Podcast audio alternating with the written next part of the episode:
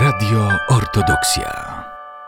Drodzy Państwo, zanim przejdziemy w ogóle do omówienia znaczenia psałterzy i psalmów, najpierw musimy sobie w ogóle powiedzieć o tym, czym są psalmy i czym jest psałterz. Na slajdzie mamy teraz napis psaltirion, czy też psałterz w języku greckim. I w ogóle co psaltirion słowo generalnie znaczy? Otóż to słowo znaczy tak naprawdę, oznacza nazwę instrumentu muzycznego. Bo pierwotnie psaltirion to była nazwa instrumentu strunowego, trochę podobnego do naszej harfy. I tak też najczęściej się to słowo tłumaczy. Psał też jako harfa. Widzimy tutaj na, na zdjęciach kilka obrazków, kilka rysunków właśnie jak ten psaltirion kiedyś wyglądał.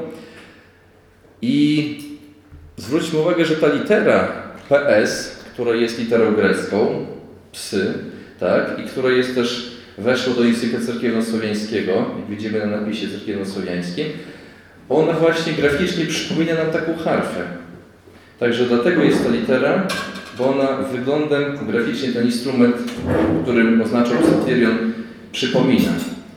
I zwróćmy uwagę też w psalmach, jeszcze o psalmach będziemy mówić, ale w psalmach mamy takie słowa. Chwalicie Jego, czyli chwalicie Boga w oblasie trubniem, chwalicie Go w psaltiry i guslie. Czyli chwalcie Pana Boga w głosie trąby i chwalcie Go właśnie na harfie i na cytrze, w psaltiry. Tak? Czyli w psalmie mamy słowo, żeby chwalić Pana Boga w psaltiry. Nie oznacza to, że w psalterzu, tylko właśnie na tym instrumencie muzycznym. Kiedy wymieniane są instrumenty, to, to wtedy pada też określenie psaltirion. I to też zaczynało się przy tym fragmencie, bo on tak fajnie pokazuje nam, że niegdyś śpiewowi psalmów towarzyszyła gra instrumentów muzycznych. My teraz tego nie mamy. My w cerkwi instrumentów już nie używamy. Używamy tylko najdoskonalszego instrumentu, czyli ludzkiej mowy. Natomiast oryginalnie niegdyś psalmy były śpiewane z akompaniamentem instrumentów muzycznych różnych. I to mamy też dowód na to na niektórych freskach. Chociażby jest, jest taki fresk w katedrze, pamiętam, w Niszu w południowej Serbii, na chórze, tam na, na pierwszym piętrze w cerkwi, właśnie przedstawiający jak różne postaci, na czele z prorokiem Dawidem, wychwalają Pana Boga różnymi instrumentami muzycznymi. I psalm też to zbiór 150 psalmów, utworów, hymnów o różnej tematyce, bo i wychwalających Pana Boga, i dziękczynnych, i błagalnych, i pokutnych, i o różnej długości, bo są psalmy, które mają kilka wersetów, a są psalmy, które zajmują w psałterzu bardzo wiele stron. I święci ojcowie uczą, że dusza człowieka wierzącego znajdzie w psałterzu wszystko, co jest niezbędne do naszego życia duchowego. Bo w psalmach odnajdujemy i pouczenia, i duchowe porady. Psałterz to taki duchowy pokarm, którym powinien się karmić chrześcijanin. Święty Atanazy Wielki on wymienia takie cztery podstawowe cechy psałterza. Po pierwsze, chrześcijanin znajduje w nim wszystkie podstawowe prawdy, które zawarte są też w całej Biblii. Po drugie, w psałterzu człowiek może całkowicie odnaleźć siebie, wszystkie możliwe stany i doświadczenia, jakie spotykają człowieka. Po trzecie, Psałterzem posługują się wszyscy wierzący, zatem modlący się słowami psalmów wypowiadają swoje modlitwy we wspólnocie, w duchu takim, że nie tylko ja się modlę, ale cała cerkiew się modli. I po czwartym, psałterz jest też takim zwierciadłem, lustrem, w którym odbija się całe chrześcijaństwo. I psalmy są niemal podstawową częścią naszego nabożeństwa. One rozbrzmiewają i na liturgii, i na wieczerni, i na juczni. Spójrzmy chociażby na sobotnią wieczernię, część synocznego bdienia. Wieczernie rozpoczyna przecież psalm 103. Błogosławi duszę moje Gospoda. Po wielkiej ekteni śpiewa się Błażen mórz, a więc wersety z psalmów pierwszego, drugiego, trzeciego, a następnie Gospodzi Zwach, to przecież też psalm. Psalmy rozpoczynają też świętą liturgię, bo przecież antyfony, czy to błogosławi duszę mojego Gospoda, czy chwali duszę mojego Gospoda, to też nic innego jak psalmy. Tak samo nabożeństwa godzin, czyli czasy pierwszy, trzeci, szósty, dziewiąty. Każdy z nich rozpoczyna się trzema psalmami. I też przed każdym czytaniem biblijnym, czy to starotestamentowym, czy to apostoła, czy Ewangelii, śpiewany jest zawsze prokimen. A prokimen to przecież także werset z psalmu. Psalmy są recytowane też na wieczerni i na juczni, zwłaszcza w praktyce monasterskiej. Są tu długie te recytacje, możemy powiedzieć wręcz takie monotonne, zwłaszcza w okresie Wielkiego Postu. I ta recytacja na nabożeństwach polega na czytaniu jednej, dwóch lub nawet trzech kafizm. I przy tym pojęciu się zatrzymajmy. Co to jest ta kafizma? Powiedzieliśmy, że psalmów jest 150, ale wewnątrz tego podziału na 150 psalmów wyróżniamy jeszcze inny podział. Otóż te wszystkie psalmy pogrupowane są na 20 praktycznie równych części, zwanych kafizmami, lub mówiąc w wersji takiej przyjętej w języku, w języku polskim, katyzmami. Samo słowo katyzma pochodzi od greckiego czasownika kathome, oznaczającego siedzieć. A więc kafizma to nic innego jak część nabożeństwa, podczas której możemy usiąść. I cerkiewnosłowiańska wersja tego słowa byłaby to siedalen, ale tego określenia siedalen używamy na zupełnie coś innego, na nazwę pewnego krótkiego hymnu liturgicznego. Zwróćmy uwagę, że podobnym słowem do słowa katyzma jest słowo akatyst, akafist. I etymologia, czyli pochodzenie tego słowa, jest dokładnie takie same.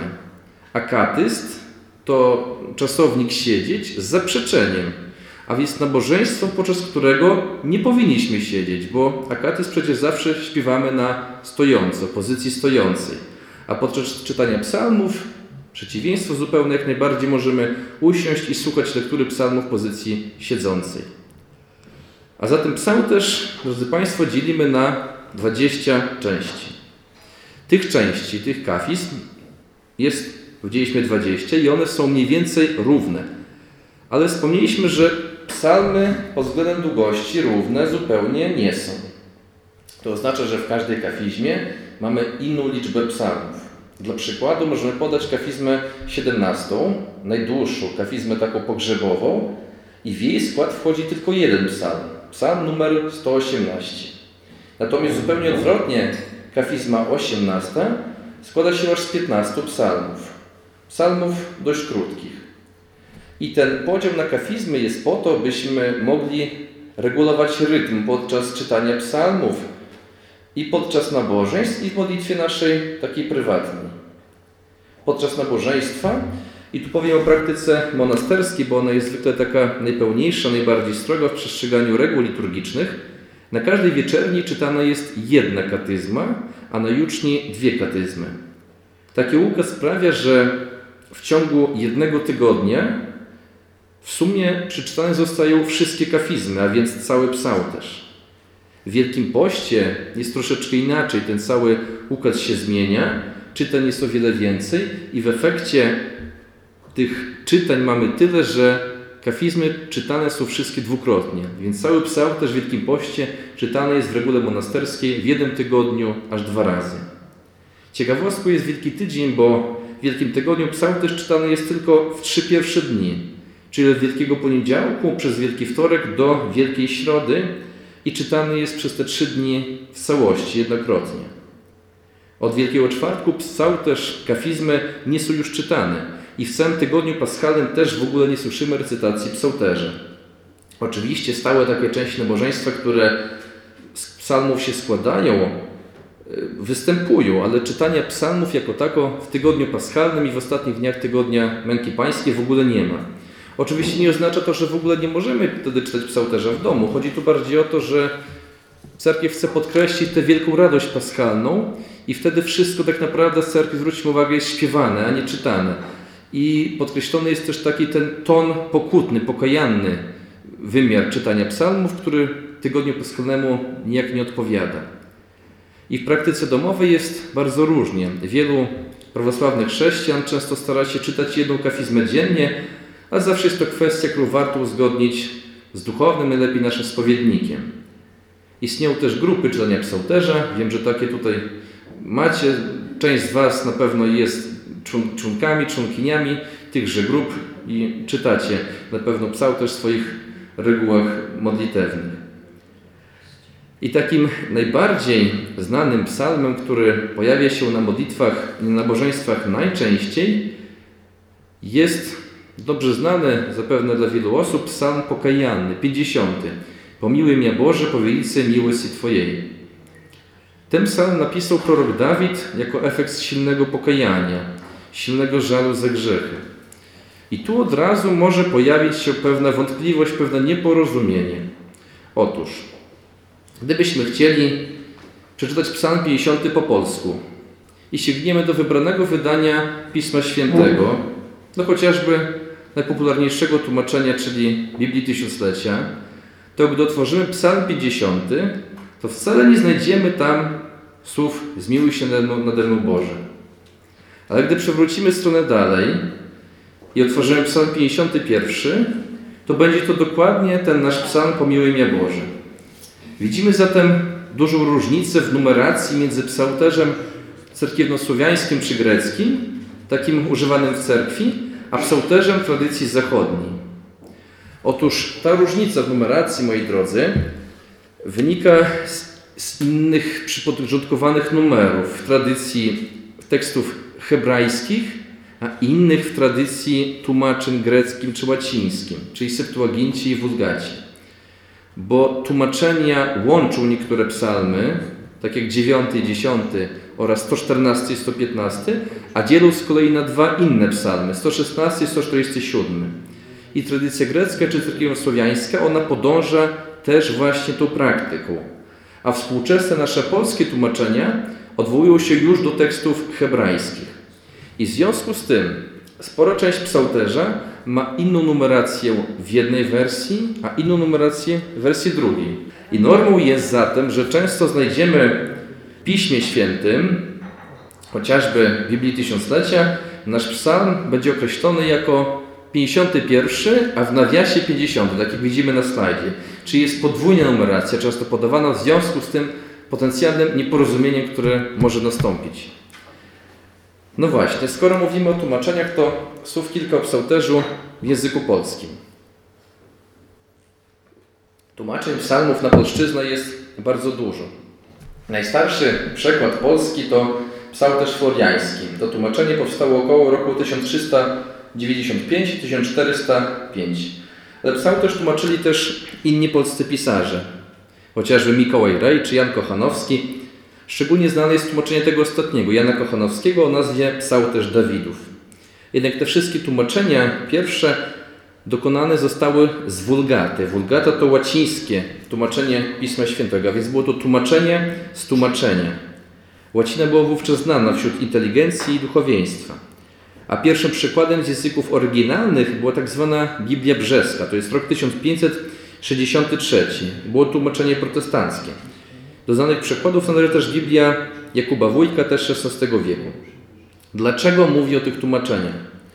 No przecież możemy powiedzieć, że mamy dzisiaj nowe przekłady Biblii Tysiąclecia, czy chociażby takie tłumaczenie, które teraz trzymam w ręce, też grecki, w tłumaczeniu ojca Henryka Poprockiego, prawosławnego duchownego. Ale wspominam też o innych tłumaczeniach po to, by pokazać, że czasem warto sięgnąć do takich tekstów staropolskich, bo one pokazują, jak wiele dawna polszczyzna sprzed kilku wieków miał wspólnego z językiem cerkiewno-słowiańskim. Jak bardzo się polski przez wieki zmienił, jak bardzo też odbiegł od języka cerkiewno-słowiańskiego. Przekłady chociażby Kochanowskiego mogły nam się dziś wydać archaiczne, ale dla przykładu Jan Kochanowski, przecież znany polski pisarz, nijak nie związany z prawosławną cerkwią oczywiście, a on w swoim przykładzie, przekładzie psalmów, na przykład na określenie świątyni, używa terminu cerkiew. Wcale nie kościół, ale cerkiew, bo tak się jeszcze wtedy mówiło. No i właśnie chciałbym teraz, żebyśmy popatrzyli na kilka takich przykładów trudnych miejsc w psalmach. Miejsc trudnych, jeżeli czytamy psalmy w języku cerkiewnosłowiańskim, a jest to czynność oczywiście bardzo pożyteczna, edukacyjna i wtedy może się zdarzyć, że jeśli nie znamy języka Cerkiewią Słowiańskiego na, na tyle dobrze, może się zdarzyć, że nie wszystko wtedy zrozumiemy. Albo że będą takie momenty, które wydaje nam się, że rozumiemy, a jednak nie do końca tak jest. To już może nie kwestia związana bezpośrednio z psalmami, ale bardziej z językiem, ale warto ją w tym momencie zasygnalizować. Oczywiście wszystkie psalmy wiem, że będą omawiane w tym cyklu, który parafia wszystkich świętych organizuje, ale zanim przejdziemy do omawiania tych konkretnych psalmów, to właśnie chciałbym pokazać tych kilka takich przykładów, tak żeby zachęcić do poznawania psalmów. Psalm trzeci, werset siódmy. Nie ubójcie od tiem ludzi okres napadu już na mnie. Tu mamy słowo tiem.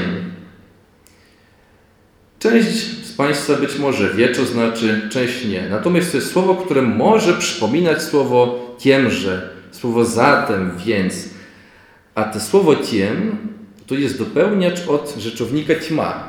A ćma w posłowiańsku, a po grecku miriada, to jest liczba 10 tysięcy. Grecy mają takie słowo hiliada na określenie tysiąca i miriada na 10 tysięcy. I ten werset znaczy po prostu, że nie, nie wystraszę się, nie przestraszę się tych dziesiątek tysięcy ludzi, które wokół, wokoło atakują mnie, tak? Czyli od tiem ludzi, od tych dziesiątek tysięcy ludzi. My to tłumaczymy zwykle jako tysięcy ludzi, ale chcę wytłumaczyć, to, co znaczy to słowo, tak? Od greckiego miriada. My w kanonie eucharystycznym, w anaforze, na liturgii czytamy, że wokół Pana Boga stoją tysiące archaniołów i tmy angielów, czyli tysiące archaniołów i dziesiątki tysięcy aniołów, czyli to słowo miriada. Jako ciekawostkę jeszcze podam, że w współczesnej Grece nawet na określenie miliona mówimy słowo, używamy słowa eketomirio.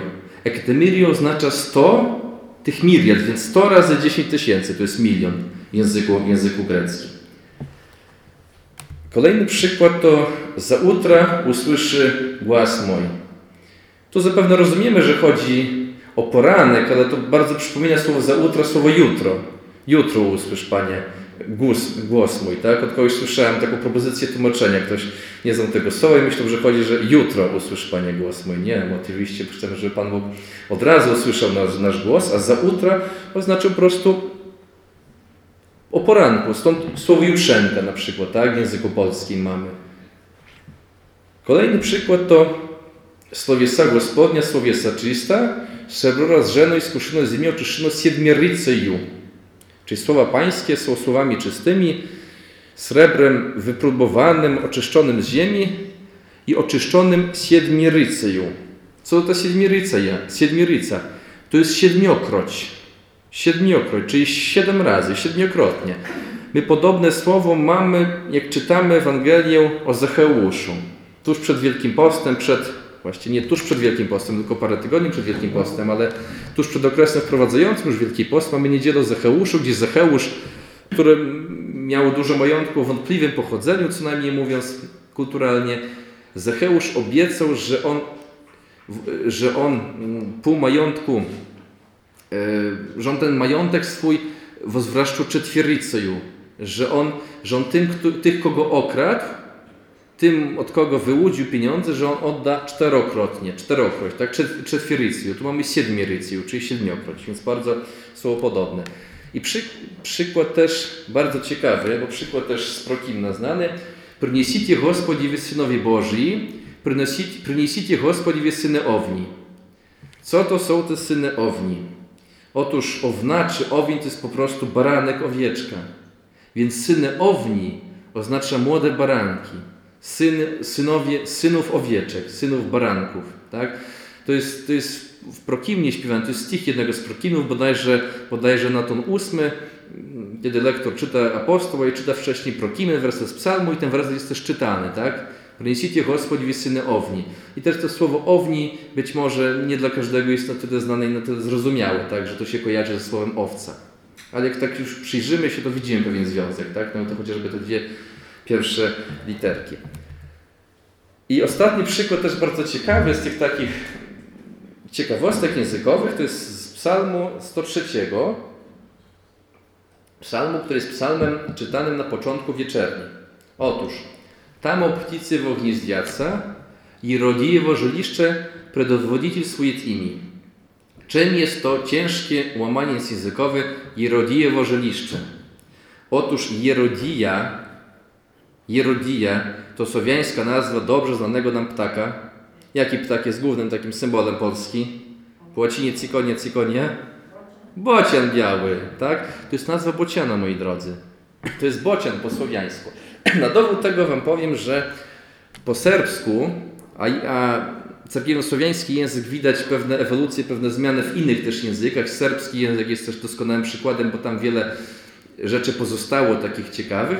Po serbsku bocian to jest roda, więc jerodia ewoluowało w rodę w języku serbskim. I nawet jest taka sieć hipermarketów. Jakby ktoś jechał do Grecji czy gdzieś do Serbii przy, przez Nowy Sad, to za Nowym Sadem obok autostrady jest wielki hipermarket o nazwie Roda jest wielki tam bocian narysowany, namalowany. Także, także taki dowód, że, że też ten język słowiański żyje w innych językach. W polskim takich słowach, w innym języku z kolei w innych słowach. A żeliszcze to po prostu miejsce życia, więc, a więc co? Gniazdo bociana. Też do mając językowe znaczy po prostu nasze gniazdo bociana. I na tym skończymy te kilka przykładów, bo jedynie chciałem zasygnalizować. I przejdziemy do drugiej części mojego wystąpienia, już do omówienia pierwszych trzech psalmów. Psalmu pierwszego, drugiego i trzeciego. A zatem psalm pierwszy, sam początek psalmu. Блажен муж, и же не иди на совет нечестивых, и на пути грешных не ста, и на сидялище губителей не сяди. I same te słowa Boży Mórz to określenie też utworu śpiewanego na początku każdego czuwania, wsienocznego bijenia. Myślę, kojarzymy te słowa. Te słowa są śpiewane po psalmie 103, po Wielkiej Ekteni i te Błażen Mórz śpiewane w praktyce to po prostu kilka wybranych wersetów z tego psalmu i psalmów dwóch kolejnych. Tych, które właśnie dzisiaj sobie omówimy. Bo nie śpiewa się obecnie praktycznie nigdzie tych trzech psalmów w całości, a jedynie kilka wybranych wersetów i po każdym wersecie śpiewa się Aleluja, Aliuje, czyli po hebrajsku chwalcie Pana, od Halel, wychwalać, Jachwę, czyli Pan Bóg.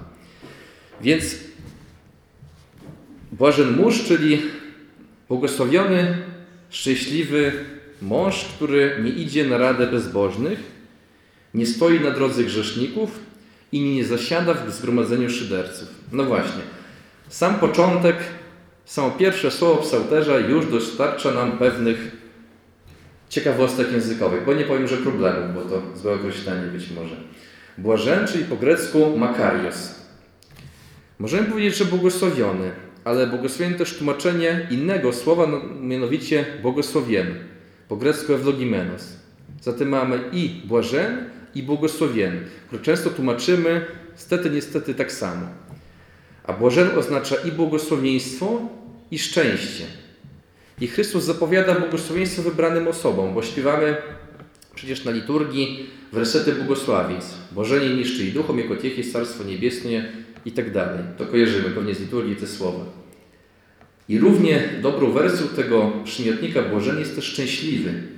A więc szczęśliwy mąż, który nie idzie za radą czy na radę bezbożnych i nie stoi na drodze grzeszników i nie zasiada w zgromadzeniu szyderców. Czyli te słowa wzywają nas, byśmy nie próbowali być niegodziwymi, grzesznymi ludźmi. Generalnie mówią nam, że każdy człowiek będzie szczęśliwy, to inaczej, że najlepszym takim zapowiedzią właśnie tej lektury psałterza, bo to przecież początek psałterza, jest to, że będziemy szczęśliwi. Że Pan Bóg nam obiecuje błogosławieństwo i szczęście. Przecież do tego nam, nas ma prowadzić modlitwa byśmy osiągali szczęście w Panu Bogu i błogosławieństwo. Ja pozwolę sobie przeczytać jako ciekawostkę ten wers w tłumaczeniu, jak przetłumaczył to Jan Kochanowski. On tłumaczył w sposób rymowany to. Szczęśliwy, który nie był między złymi w radzie, ani stóp swoich torem grzesznych ludzi kładzie, ani siadł na stolicy, gdzie tacy siadają, co się z nauki zdrowej radzi naśmiewają. Taka ciekawostka Kochanowski całe tak przetłumaczył psalmy, niektóre oczywiście bliżej, niektóre dalej od oryginału, ale, zawsze warto, warto takich różnych ciekawostek językowych sięgać. Kolejny werset. No w zakonie Gospodni wolę Jego i w zakonie Jego pouczyca dzień i noc. A więc Jego, ale Jego upodobanie w prawie pańskim i w Jego prawie będzie pouczał się dzień i noc. Kolejny werset. I будет, jako drewo насажденное происходящих wod, и же плод свой даст во время свое, и лист его не отпадет, и все ликаsze творит uspieje. A więc będzie jak drzewo zasadzone nad strumieniami wód, kiedy swój owoc wydaje w swoim czasie i jego liść nie odpada i wszystko, co czyni, będzie pomyślne. Czyli osoba, która stara się zgłębiać Pismo Święte, modlitwę i żyć tą modlitwą i przykazaniami Bożymi, to według słów psalmu będzie rosnąć i rozkwitać. Nie będzie ta osoba ani głodna, ani spragniona. Święty Jan Chryzostam jeszcze mówi o ten sposób, następ, sposób następujący. Kto nieustannie czyta Pismo Święte, cytuję świętego Jana Złotoustego, chociażby i nie miał nikogo, kto by mu je wytłumaczył, to przez nieustanne czytanie, jakby przez jakieś korzenie, gromadzi w sobie strumienie i roseł Ducha Świętego. Nic innego z ludzkich rzeczy nie może pocieszyć smutku tak, jak czytanie Bożych Pism. Kolejny werset. Nie tako, nieczyściwi nie tako, no jako prach jego, że возмітає dwiet od lica ziemi. A więc nie tak będzie z bezbożnymi, nie tak. Są bowiem jak proch, który wiatr porywa z oblicza ziemi. Słowo dość zrozumiałe? Dalej. Z jego radi nie woskresnut nieczyściwi na słód, niże grzesznicy w sowiet prawiednych. A zatem to nie ostoją się bezbożni na sądzie, ani grzesznicy w zgromadzeniu sprawiedliwych. I ostatni wers, który też jest śpiewany w ramach wersetu Błażen Mórz, jako wieść, wieść Gospodź pójdź prawiednych i pójdź nieczystliwych pogibnie. Czyli albowiem Pan zna drogę sprawiedliwych, a drogę bezbożnych zaginie. I ten czasownik zna, czyli wieść, według świętego Afanasja Wielkiego, czyli świętego Atanasego Wielkiego, który pisał komentarze do psalmów, nie oznacza jedynie wiedzy, ale to, że Pan Bóg drogę sprawiedliwych woli, czy też bardziej lubi, w przeciwieństwie do drogi, po jakiej kroczą bezbożnicy. Widzimy zatem, że psalm pierwszy, moi drodzy, ma charakter mądrościowy, bo on nas uczy mądrości, wykłada jak należy postępować, daje pewne wskazówki. Stawia wyraźnie takie rozróżnienie między drogą świętości a drogą grzechu. I Kolejny psalm, który kontynuuje pierwszą kafizmę, jest psalmem już zupełnie o innej tematyce, ale w dalszym ciągu, w dalszym ciągu związanym z pierwszym psalmem jest psalm drugi, który jest psalmem już proroczym o przyjściu na świat Chrystusa, o Jego królowaniu nad światem i o tym, że królowie ziemscy, książęta bardzo się przeciwko temu buntowali. I psalm nazywany jest też tym psalmem mesjańskim, bo mówi o Mesjaszu czyli o Chrystusie.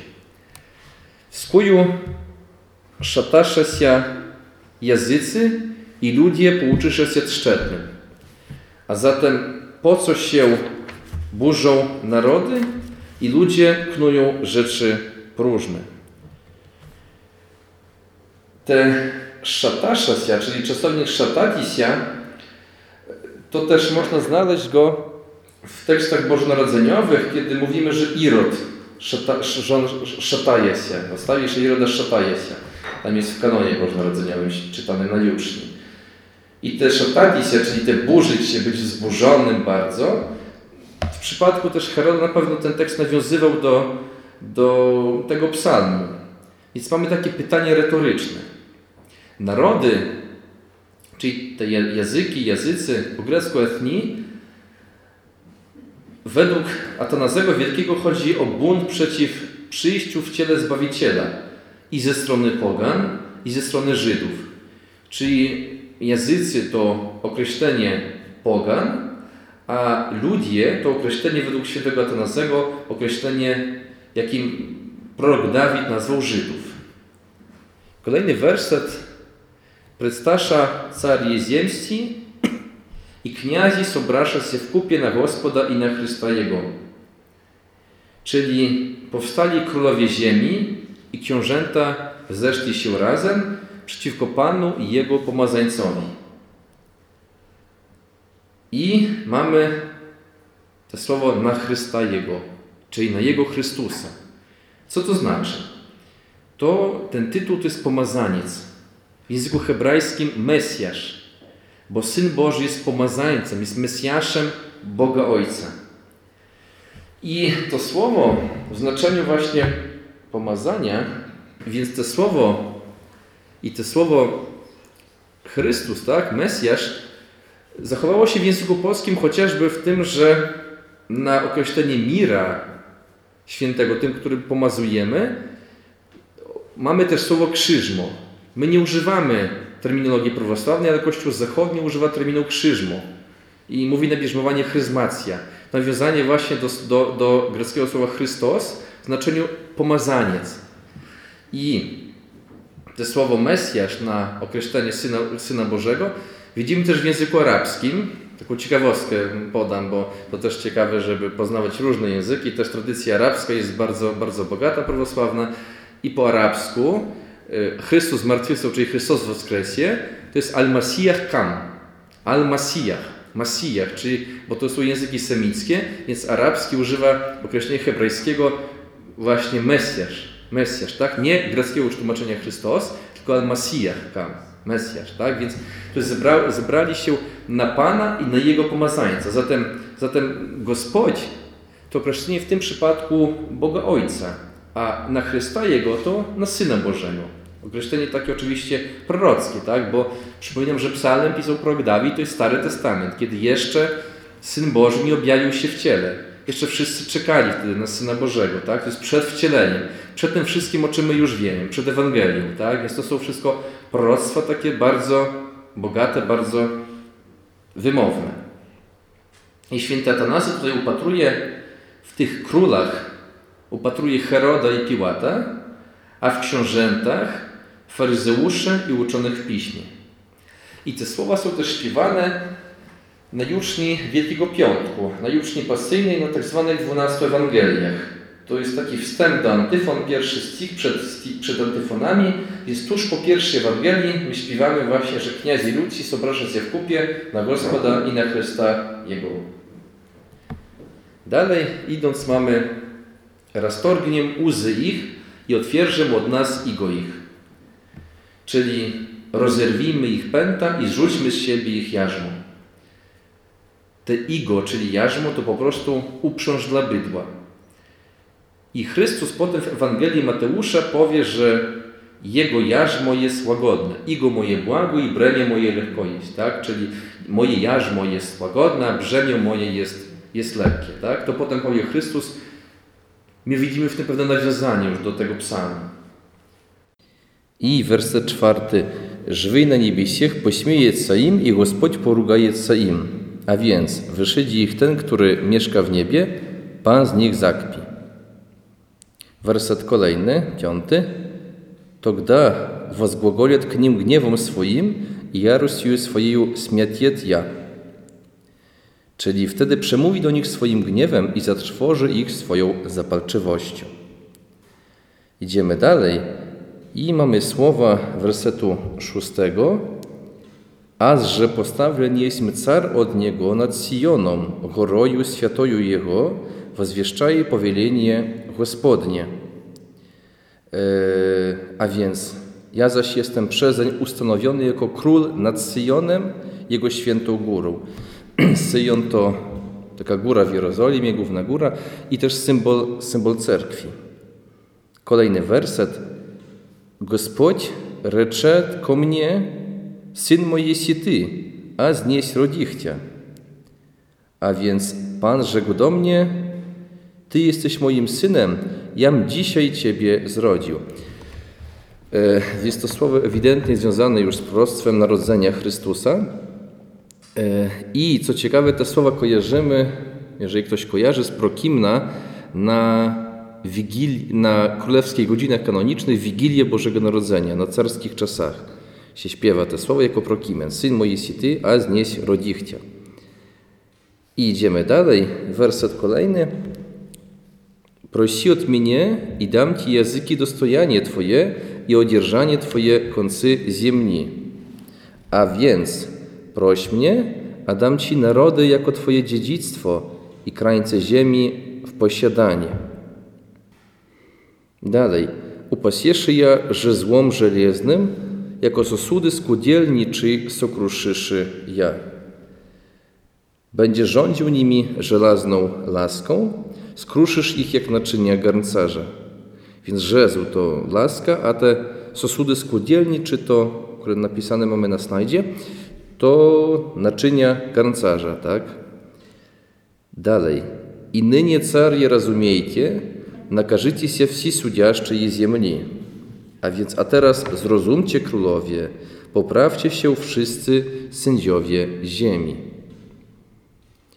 Dalej słowa, które kojarzymy z tego zbioru wersetu śpiewanego na wieczerni, znanego jako Błażen Mórz, a mianowicie słowa Работайте, Господи, со страхом i radujcie się Jemu z trepietem. A więc służcie Panu z bojaźnią i radujcie się Jemu z drżeniem. I werset ostatni.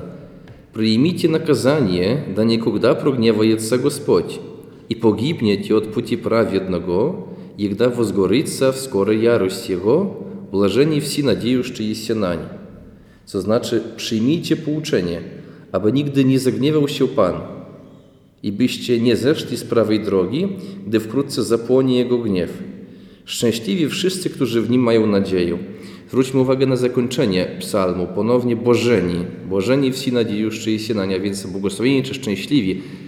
I zwróćmy uwagę, że psalm pierwszy rozpoczyna obietnicę błogosławieństwa, czy też szczęśliwości, a psalm drugi tę samą obietnicę kończy.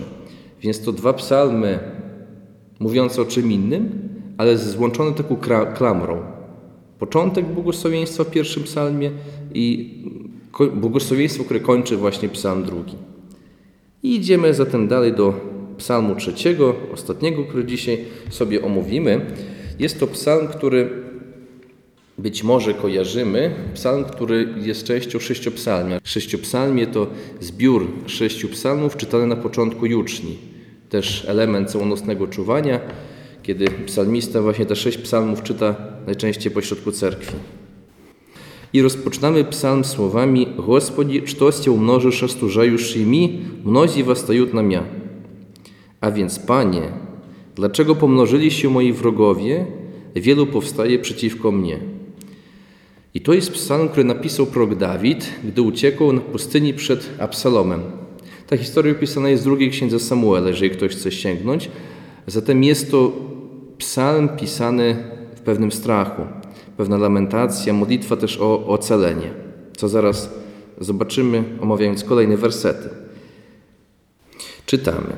Mnozi głogolią duszy mojej niespesieni mu w bozie jego. A więc wielu powiada mojej duszy, nie ma dla niego zbawienia w jego Bogu. A więc pozorne słowo, które mogłoby zniszczyć pewną nadzieję, ale chwilę później są inne słowa wersetu czwartego. Ty, że Gospodzie, zastupnik mojej sii sława moja i woznesie głowę moją. A więc po polsku, Ty jednak, Panie, jesteś moim wspomożycielem, moją chwałą. Ty podnosisz moją głowę. I kolejne słowa. Głosem moim do zwach i usłyszę mnie od góry świętyje swoje ja. A więc wołam do Pana moim głosem i usłyszą mnie ze swojej świętej góry. Dalej. As usnuch i spach w ostach, jako Gospodź zastupić mnie. Czyli zasnąłem i spałem i wstałem, albowiem Pan mnie wspomaga. Czyli wyrażamy tutaj myśl, że cokolwiek by się nie działo, cokolwiek ci wrogowie, to mnóstwo wrogów, które atakuje nas według słów tego psalmu, to jednak cały czas Pan Bóg jest naszym wspomożycielem i naszą ucieczką. I dalej czytamy słowa, które już omawialiśmy sobie przed chwilką, nie obojuję się od tiem ludzi okres napadaющих na mnie, a więc nie ulęknę się tych tysięcy czy też dziesiątek tysięcy ludzi, którzy zewsząd na mnie napadają. To przed chwilą omawialiśmy słowo tiem, tak? Czyli ćma, miriada, 10 tysięcy. I dalej idziemy, dalej mamy wezwanie do Pana Boga, kolejne. Воскресни, Господи, и спаси меня, Боже мой, яко Ты поразил иси вся, враждующая w suje, zuby grzeszników sokruszył Jesi. A zatem powstań, Panie, wybaw mnie, Boże mój, albowiem Ty poraziłeś wszystkich nienawidzących mnie bez powodu, skruszyłeś zęby grzesznikom. I słowa kończące ten psalm, słowa też znane z zbioru wersetów śpiewanego na początku wieczerni w ramach Błażen Mórz, słowa Gospodnie jest spasienie i na ludziach Twoich błogosławienie Twoje, a więc Pana jest zbawienie i na Twoim ludem Twoje błogosławieństwo. A zatem jest to psalm, który warto czytać w sytuacji strachu, w sytuacji, kiedy, kiedy jesteśmy przyjęci jakimś strachem czy trwogą, tak jak prorok Dawid, który pisał, pisał te lamentacje, ten, ten psalm, kiedy bał się, jest to modlitwa z prośbą o, o ocalenie. I przypominam, że jest to psalm z sześciopsalmia. I tyle z mojej strony. Dziękuję serdecznie. Radio Ortodoksja.